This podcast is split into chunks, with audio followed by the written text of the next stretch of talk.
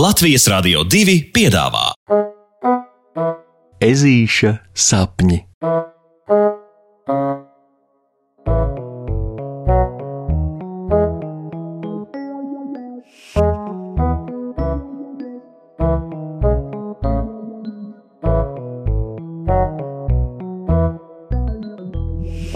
Ezītis tic spokiem.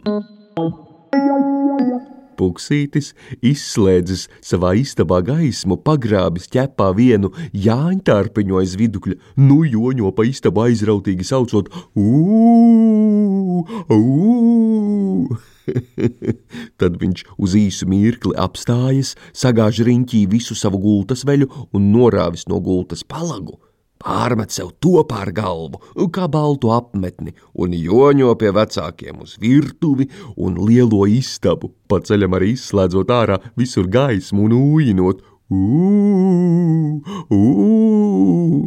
Viņš ir tā aizrāvies, ka ežulis itin nemaz nepamana, ka mammai pierē savelkas neapmierinātības rieva jo izrādās viņa tumsas brīdī, aplējot tēju, ir nolaistījusi visu virtuves galdu.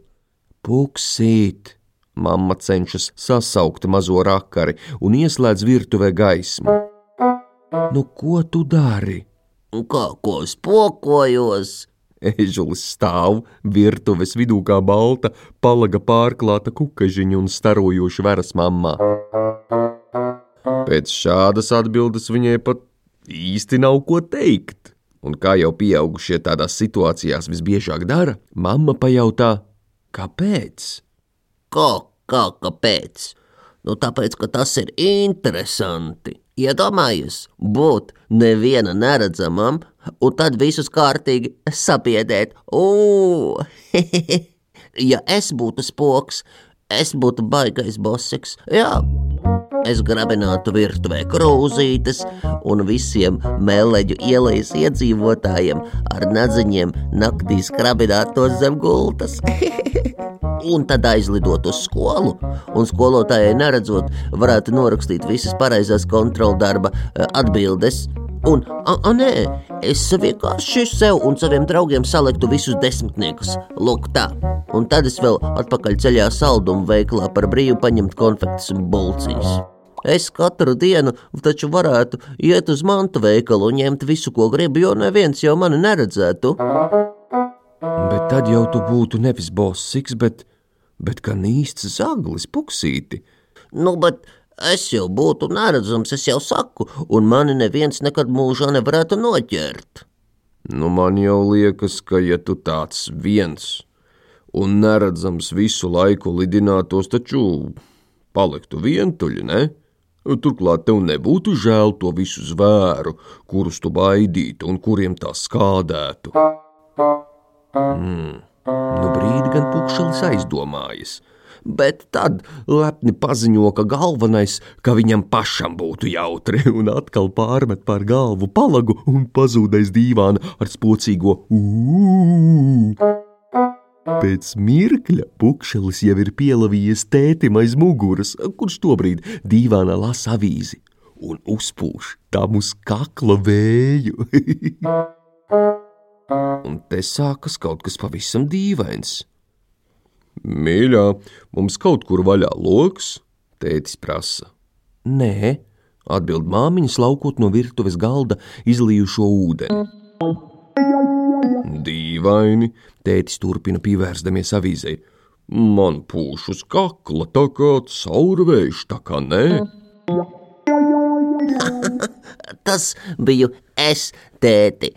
Puksītis lepni paziņo, izsliedamies no sava paslēpņa aiz dīvāna, bet tētis uz ežuli nekādi nereaģē.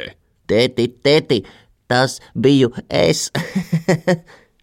Mazais ezītis mēģina vēlreiz, bet lielais turpina nekādi nereaģēt uz to, ko puksītis saka. Pag, kas te notiek? Puksītis apiet apkārt dīvānam un nostājas tētim priekšā, bet tētis turpina lasīt avīzi nesatricināmā mierā. Tēti, tēt! Puksītis uzsauc tētim un pamāja viņam. Tu kaut ko teici, mīļā? Tētis prasa mammai, paceldams acis no avīzes un skatīdamies puksītim cauri. Nē, neko es neteicu, atbild māmiņa, beidzot aplējusi, kā nākas savu tēju un dodamās uz guļamistabu palasīt grāmatu. Dīvaini, ezīša tētis joprojām neredz puksīti, un mazo bosiku sāk pārņemt tramīgs prāts. Viņš ar ķepu strauji sagrāba tēta avīzi un Tā vietā, lai tētis tagad beidzot pievērstos ežulim, tētis salacas kā elektrības ķerts un kājas sev pierāvis pie vēdera, uzlec uz dīvāna. Kas te ir? Tētis prasa, joprojām skatīdamies cauri puksītim, it kā ežuli vispār nemaz neredzētu. Es, tas esmu es, tēti!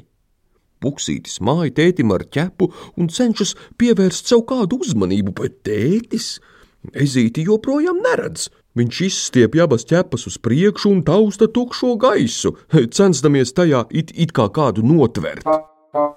Nu, ezītis vairs neko nesaprot. Viņš paņem no groza kādu mammas adīkļa kamolu un met tētim. Nu, taču paskaties uz mani, tētī! Bet tētis sabīstas no lidojošā kamola, saķer galvu un joņo pa istabu, nelabi baurodams. Spokojas, spokojas, mīļā, spokojas! Tad tētis skrien uz virtuvi un pieliekamajā atrod ķiploku virteni, kuru uzskar sev kaklā. Tad paķer ķepā koka karoti un pacēlis to draudīgi virs galvas, turpina tukšam gaisam. Es zinu, ka spokiem nepatīk ķiploki, es tevi uzveikšu! Ā! Un tētis skrien pa istabu gandrīz notriekdams puksīti gar zemi. Tāpēc ežulis nomet no pleciem savu spoku tērpu un uzkāpis uz dīvāna māju ar abām rokām tētim. Tēti, tas esmu es, tēti, es. Es neesmu nekāds spoks, tu paskaties uz mani, tēti, ieraugi mani, es esmu te. Nu jau puksītim no šitā visa nemaz vairs nenāk smiekli. Viņš vienkārši grib, lai tētis viņu uzlūko, un, un viss. Nemaz nav omulīgi, ja kāds skatās cauri un ak, tu mūžs, kāda laime! Tā arī notiek.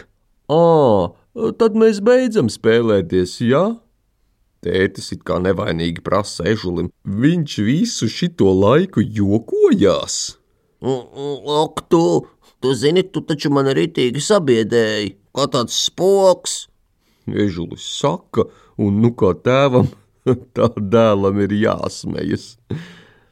Jā, ir tomēr labi būt redzamam, redzamam un cieši apskaujamam. Pasakas beigas. Ar labu nakti, draugi! Ar labu nakti! you.